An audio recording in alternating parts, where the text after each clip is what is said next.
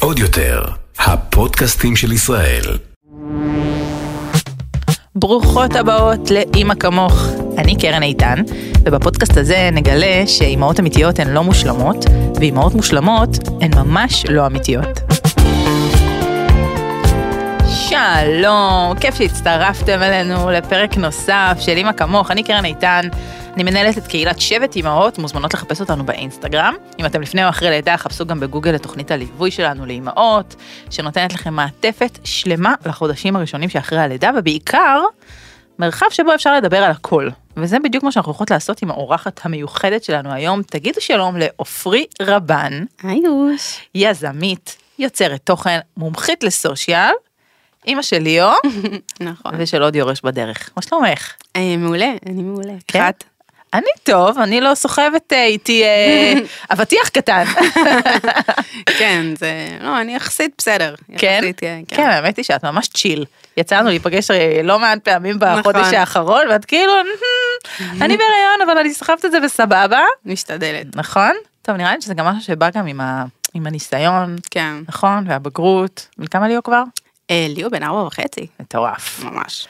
וכמה אנשים פותחים עיניים על הפער?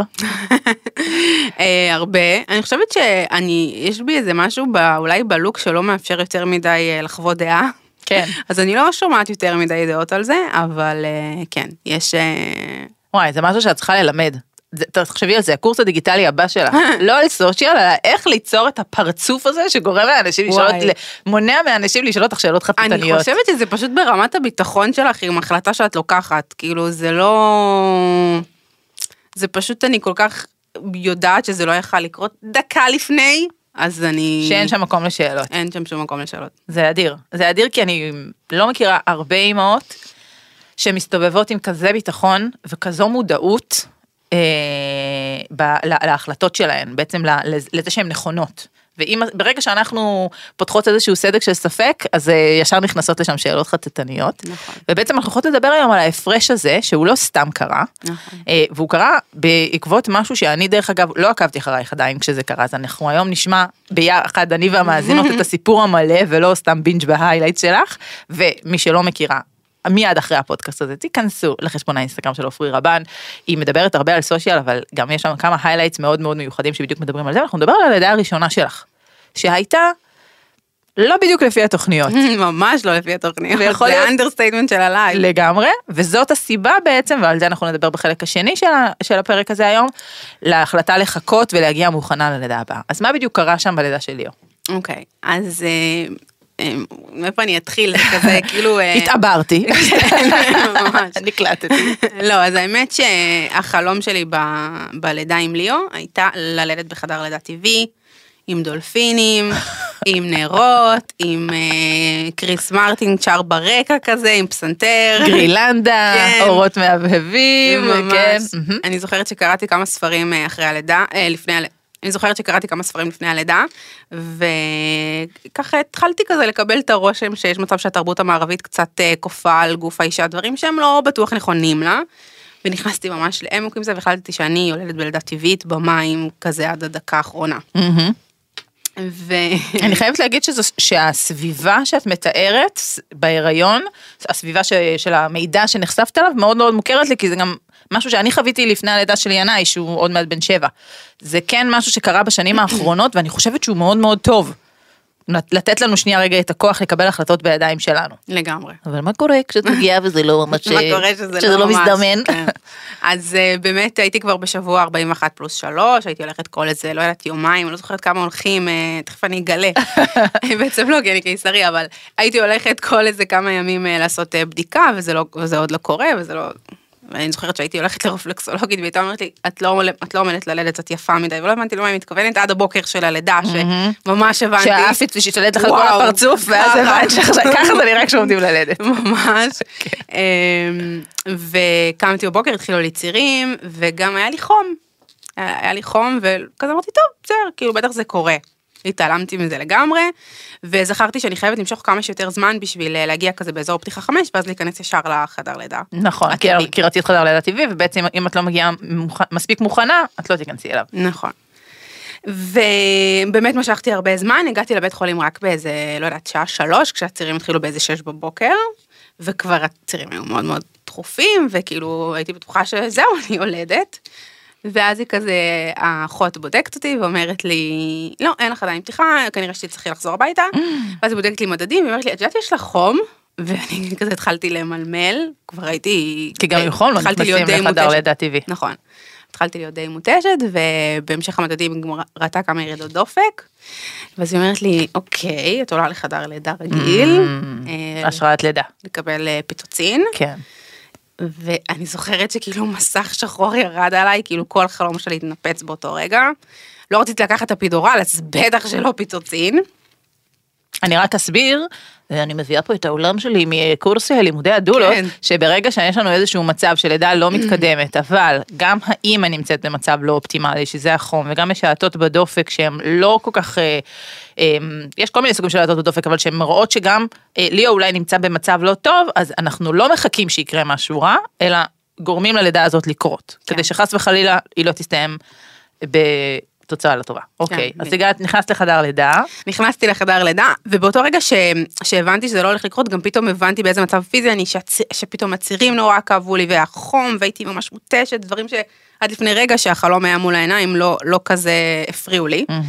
אמ, וניסיתי למשוך את הזמן, חשבתי שאולי אני, איכשהו משהו יקרה, אה, ולא ידעתי אם לקחת את הפידורל או לא לקחת את הפידורל, בסוף אה, החלטתי לקחת, והצירים כבר היו מאוד מאוד חזקים, אבל שום דבר לא התפתח, הצוואר רחם ממש התקצר, ו- וטיפה כאילו עוד טיפה נפתח אה, מבחינת הפתיחה, אבל זה לא, זה לא קרה. ואז היו כמה ירידות דופק ממש רציניות, שממש תוך כזה חמש שניות כל ה... כל, ה... כל הצוות הרפואי, בעצם את לא רק שכל החלום שלך נופץ, את נמצאת בחדר לידה ופתאום את רואה צוות רפואי שרץ לתוך החדר לידה כי הוא רואה את המוניטור מבחוץ ומבין כן. שיש כאן תינוק במצוקה, ועכשיו את גם לא, את מרגישה שאת מאבדת שליטה. מאבדת שליטה ואני לגמרי. עם חום שנגיד היום אם אני עם חום אפילו לא בהיריון אם אני עם חום כזה 37 7 אני מרגישה סמרטוט נכון. להיות עם צירים וחום של כמעט 39 זה לא זה מי עובר דבר כזה נכון. למי זה סבבה זה כאילו הזיה. אמ, ואז באמת אה, עוד עוד ירידת דופק וכאילו אני זוכרת שהחדר מפוצץ ברופאים ואחד הרופא בודק לי פתיחה והוא אומר וואי היא רותחת מחום כאילו מה מה קורה פה והכל כזה מרגיש חוויה חוץ גופית ואז פשוט אה, והבהילו אותך לקיסרי חירום. בדיוק ישנת. כאילו לא היית, לא היית בהכרה, כש... או שהוא, או אז שהיית זה בהכרה. בדיוק העניין. ש... איפשהו, אני, אני לא יודעת, כי זה היה נורא מוזר, כי מצד אחד אמרו לי, אנחנו, אנחנו כנראה נצטרך ללכת לקיסרי, את כנראה לא תסיימי בלידה וגינלית היום, אפשר לנסות עוד קצת, אמ, אבל זה לא יקרה, כנראה. אה, ואנחנו, אבל נכניס את אה, מתן, בעלי, נכניס אותו והוא יהיה איתך, וכאילו, את לא תהיי לבד איתי. ואיכשהו מפה, הכל פתאום נהיה נורא דחוף, וחייבים לעשות את זה עכשיו. אה, ולא הכניסו את מתן, וגם יש איזשהו הליך כזה בקיסרי שאני יודעת עליו היום, זה שצובטים את הבטן לפני בשביל לבדוק אם, ה... אם יש מספיק הרדמה. ואז אם אין מוסיפים, ואם עדיין זה לא מספיק, כי יש כאלה שהאזור הזה, אה, קשה להרדים אותו לפעמים, עוברים להרדמה מלאה. שזה באמת הפתרון האחרון, כי הרופאים לא רוצים לעשות את זה. ואצלי לא היה את כל התהליך הזה, ובאמת לא היה לי, לא היה לי מספיק חומר הרדמה. ואני פשוט הרגשתי את הכל. מה הרגשת? הרגשתי שממש חותכים לי את הבטן. ממש הרגשתי את כל ה... אני, יש מצב שאני אבכה עכשיו. אני איתך, אני איתך. הרגשתי שממש חותכים לי את הבטן והייתי לבד, ואני יודעת שמתן צריך להיכנס והוא לא נכנס, ואני אומרת, אני אומרת להם, אני מרגישה את הכל. והם אומרים לי, את לא, את לא מרגישה כלום, זה לחץ. וכאילו זה הכי... מבטל שנייה את מה שאת מרגישה. כן, ובואי, גם הסיטואציה, אני עם ידיים קשורות, יש לי וילון מולי, אמ, את לבד. אני לבד. אה, המרדים ליטף אותי מרוב שכאילו צרחתי את חיי. באמת? ממש. את כל התהליך את כל צורחת. התהליך אני צורחת. ופשוט כאילו, די התעלמו, כאילו מה זה די, הם התעלמו. ו- וזה שהם ביטלו את מה שאני מרגישה, ואמרו לי את, אה, את, אה, זה לא כואב לך, את, אה, זה את מדמיינת. כן, זה, וואו, אני באמת חושבת שבאיזשהו שלב הנשמה שלי יצאה מהגוף וראיתי את הכל וואו. מלמעלה, כאילו ברמה כזאת. ומה קורה ברגע של ליאו בחוץ? וברגע שליאו בחוץ, אני זוכרת שהמיילדת אה, לוקחת אותו ואומרת לי, וואו, את יודעת כמה התינוק שלך שוקל? הוא שוקל 4,400, כי הערכת משקל שלו הייתה באזור 3.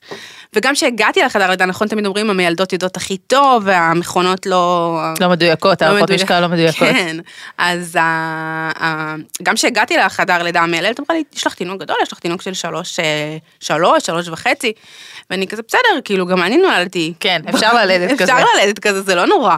גם, בואי, גם 4,400 אפשר ללדת, אבל כשאתה לא מוכן לזה, ואתה לא מבין את זה, ואתה גם לא מבין למה הלידה לא מתקדמת, וכשיש תינוק כל כך גדול, אז אה, בדיעבד אפשר להבין שהוא לא מתברג נכון, כאילו יש שם כן. הרבה יותר מקום לטעויות. נכון. ואת לא הבנת את כל זה, ובעצם היית ערה, אבל מאוד כאובה, כשהוא יוצא החוצה, את רואה אותו לפני ש...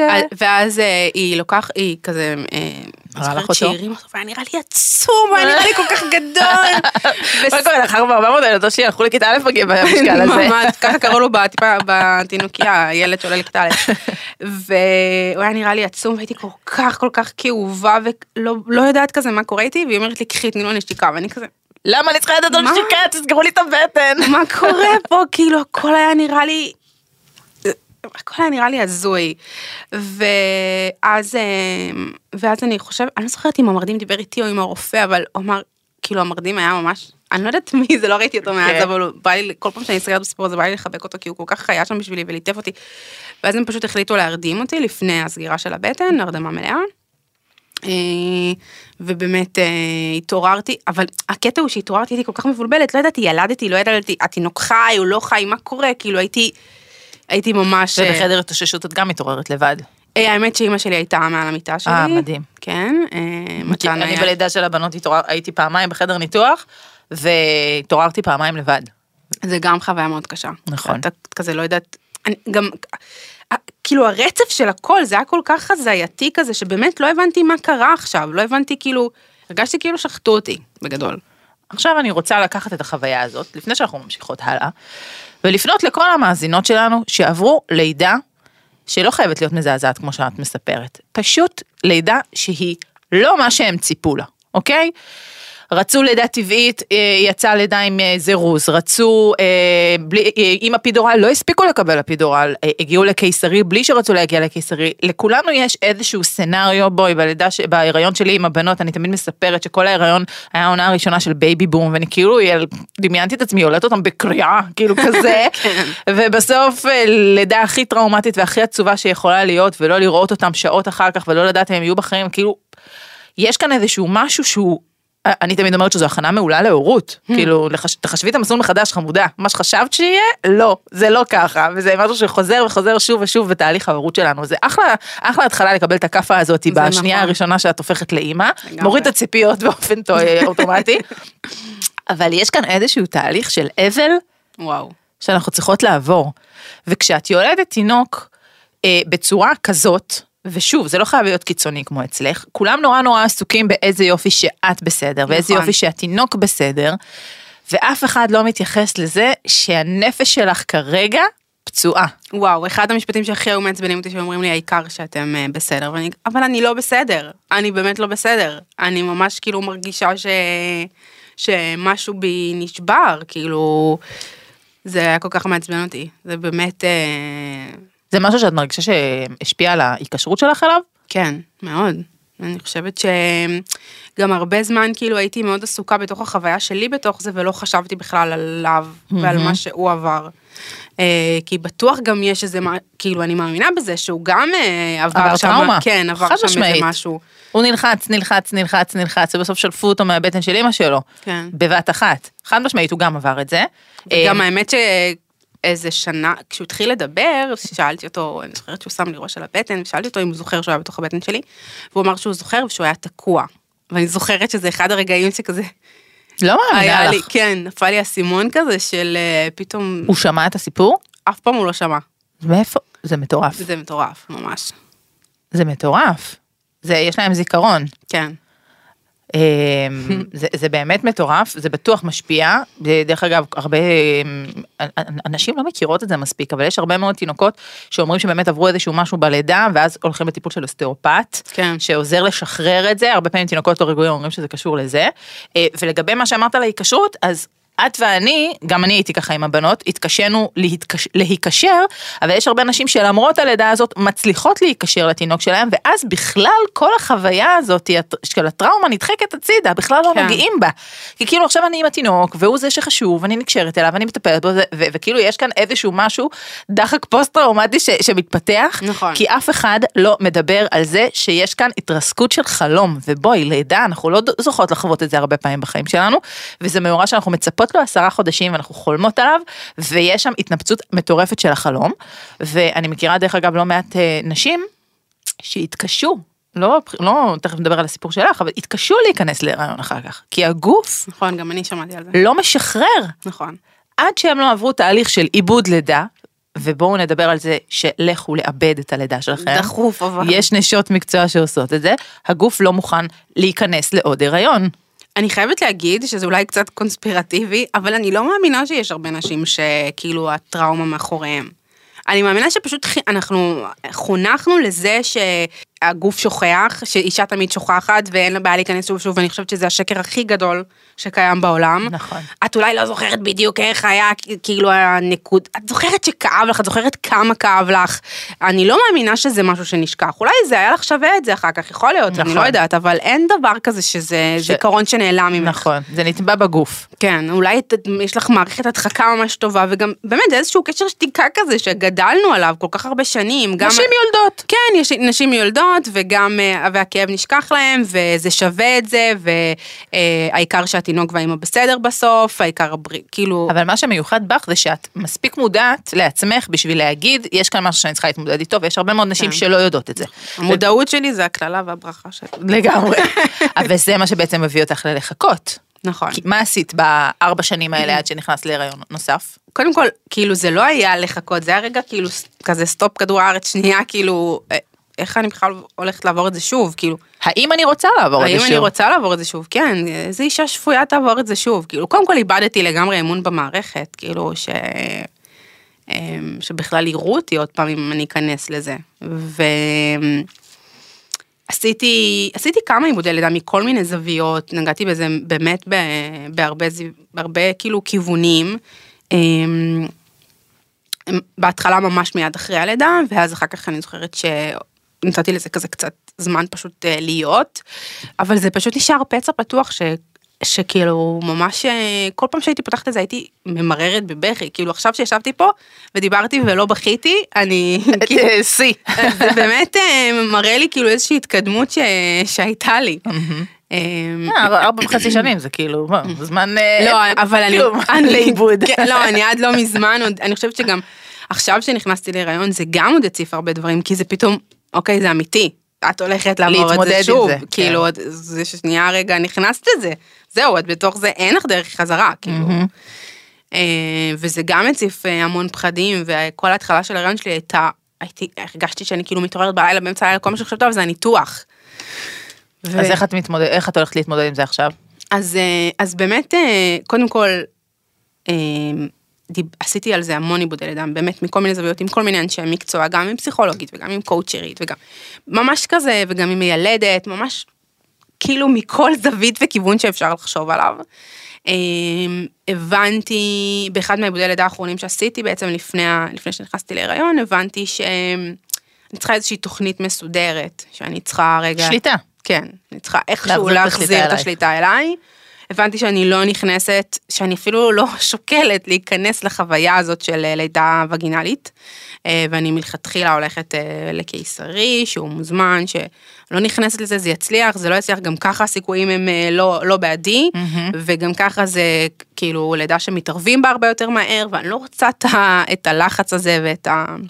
אני רק אפתח סוגריים, זו החלטה שלך. זה לא אומר שזו החלטה שנכונה לכל מי שעברה לידה קיסרית, נכון. וכל מי שעברה איזושהי טראומה, לגמרי יש לידת ויבק, לידה וגינלית אחרי קיסרי, וזה משהו שאפשר, אבל שוב, זה בסימן שאלה. זאת אומרת, את נכון. יכולה להחליט שאת הולכת על זה ולקחת בחשבון שזה עוד פעם מסתיים בקיסרי, ואת אומרת, אני מראש רוצה להחזיר את השליטה לידיים שלי, ואני מתכוונת לעשות את זה בצורה אלקטיבית, כמה שיותר מתוכנן. אני מאמינה שזה אפשרי ללדת אה, בצורה וגינלית אחרי קיסרי, חד משמעית, אבל פשוט את ממש צריכה לרצות את זה, את צריכה להתאבד על זה. ואת צריכה גם להיות מוכנה לזה שזה לא שזה יקרה. לא יקרה. נכון, נכון. זה לגמרי הסיכויים שם הם הרבה יותר גבוהים. כן. וזה משהו שצריך לקחת אותו בחשבון, וזה עוד פעם עיבוד שליטה, וזה מבחינתך לא משהו שהוא בא לא בחשבון. משהו שהוא בא בחשבון, ממש לא. אז הבנתי שאני צריכה ללדת אה, בצורה קיסרית, בצורה קיסרית, מלכתחילה מוזמנת, ידועה מראש, אה, והבנתי שאני צריך לבחור את הרופא שיעשה את זה בשביל שאני אה, אוכל לסמוך עליו שוב, כאילו שאני אוכל לסמוך על המערכת. שלא תהיה לך גם את התחושה אני לא כזה סומכת על המערכת, אני סומכת על הרופא שבחרתי. כן, זאת אומרת, הוא יהיה איתך לכל אורך התהליך הזה, ביום שתכננת,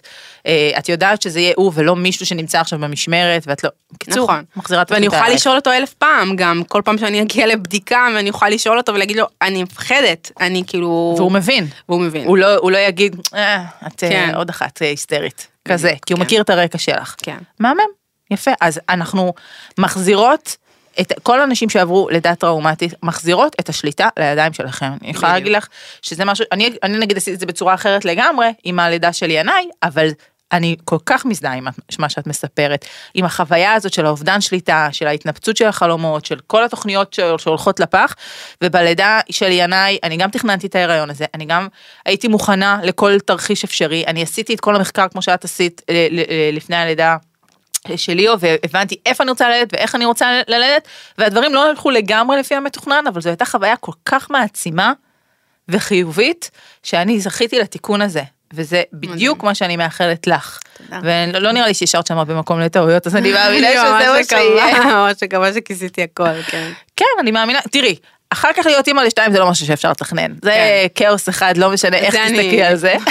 אני אני באמת כל כך מרוכזת בחוויה, בלעבור את הלידה, שזה נראה לי כאילו כמו קצה ההר, כן. למרות שזה בעצם... ההתחלה זה שלו. ממש ההתחלה שלו. כן, כולם מדברים על איך לעבור את הלידה, אף אחד לא מדבר על מה קורה אחר כך. אז כן. אה, אני מזמינה אותך לשבת, כאילו, ואצלנו תקבלי את כל המעטפת שאת צריכה, אבל זה באמת אה, חישוב אה, מסלול מחדש ולהבין שאין לך לגמרי שליטה על מה שקורה שם, אבל לפחות את הלידה את יכולה לתכנן. אני מזמינה את כל מי שעברה לידה טראומטית, ובאמת שלא צריך להיות משהו מאוד מאוד קיצוני בשביל לקרוא ללידה הזאת חוויה טראומטית, לאבד את החוויה, להחזיר את השליטה לידיים שלה, בטח ובטח לפני שהיא מביאה ילד נוסף. חד משמעית. האמת שבכלל, כאילו, גם אם הלידה...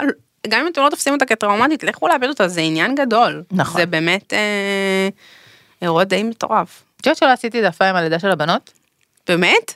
כאילו לכתוב ולדבר על זה כל כך הרבה זה מבחינתי העיבוד של זה. של זה. ולספר וללכת להורים- לפגים אחרים וכאילו ולדבר איתם ולעודד אותם זה מבחינתי היה הריפוי שבסדר, כל אחד יכול למצוא את הדרך שלו של הריפוי אבל זה לגמרי. אני, קודם כל אני מאוד מאמינה, אני ממש מאמינה בשיתוף, ואני חושבת שזה באמת דרך אה, מסוימת אה, גם לרפא את עצמנו, ואני חושבת שגם יש בזה משהו שמרפא את מי ששותף לזה ושומע ומקשיב. אה, ובאמת הרעיון הוא בסוף אה, רגע לצאת מתוך הראש שלנו, וזה באמת לא כזה, לפעמים לא כזה משנה, לפעמים זה מספיק לספר את זה לעוקבים שלנו, או נכון. לאנשים אחרים שעוברים את הדרך הזאת. נכון ולחזק אותם ומי שאין לו מיליון עוקבים שיכול לשתף אותם תעשו גוגל על עיבוד לידה אה, תחפשו המלצות בקבוצות של אימהות ותלכו למי שיעזור לכם לאבד את החוויה. נכון, וגם חשוב שכאילו נשים יבינו שזה לא נוגד את זה ש... שהעיקר ש... הילד בריא ואתם כן, בריאות. שזה שווה את זה, זה לא נוגד את זה. זה, זה יכול להיות שווה את זה ועדיין להיות מאוד מאוד מאוד כואב, נכון. ויכול להיות פצע פתוח. וזה לא אומר שאת לא אוהבת את הילד שלך או לא שמחה שילדת לא. את זה, אין שום קשר בין הדברים. בואו שנייה רגע נפריד בין האימהות שאנחנו לבין החוויה נשים, או- שעברנו כן, ב- בלידה. בתור אינדיבידואליות, כאילו, שחיות בעולם הזה. לגמרי. אז אה, תודה רבה לעופרי, תודה שהיית פה. אם רבה. מזדהות עם החוויה של עופרי, אם אתם מרגישות שהסיפור שלה גרם לכם להבין משהו לגבי עצמכן, אה, אם לקחתם תובנה שתלווה אתכם הלאה, זה מאוד ישמח את עפרי ואותי אם תשתפו את הפרק הזה, תזמינו חברות שעברו לידה, להאזין לו, אפשר לשתף בסטורי, אפשר לשלוח בוואטסאפ בקבוצה של אימהות, בכל פלטפורמה שיש בה אימהות כמונו. אה, וזהו, אנחנו, אה, הצילום של הפרק הזה יעלה באינסטגרם של עוד יותר, וגם אצלי ואצלך, יהיה אפשר לראות את זה. אה, הפרק זמין להאזנה בכל אפליקציות הפודקאסטים, בספוטיפיי ובגוגל פודקאסט ובאפל קוד פודקאסט, ואנחנו, אה, וכמובן בערוץ אה, אה, של עוד יותר פלוס, בערוץ הספוטיפיי שלהם, שאפשר אה, לראות את כל, לשמוע ולראות בווידאו את כל הפרקים. אז תודה לעופרי, תודה רבה, קרן. וניפגש בפרק הבא של אימא כמוך. עוד יותר, הפודקאסטים של ישראל. הוקלט באולפני אדיו, המשווקת את ספוטיפיי בישראל.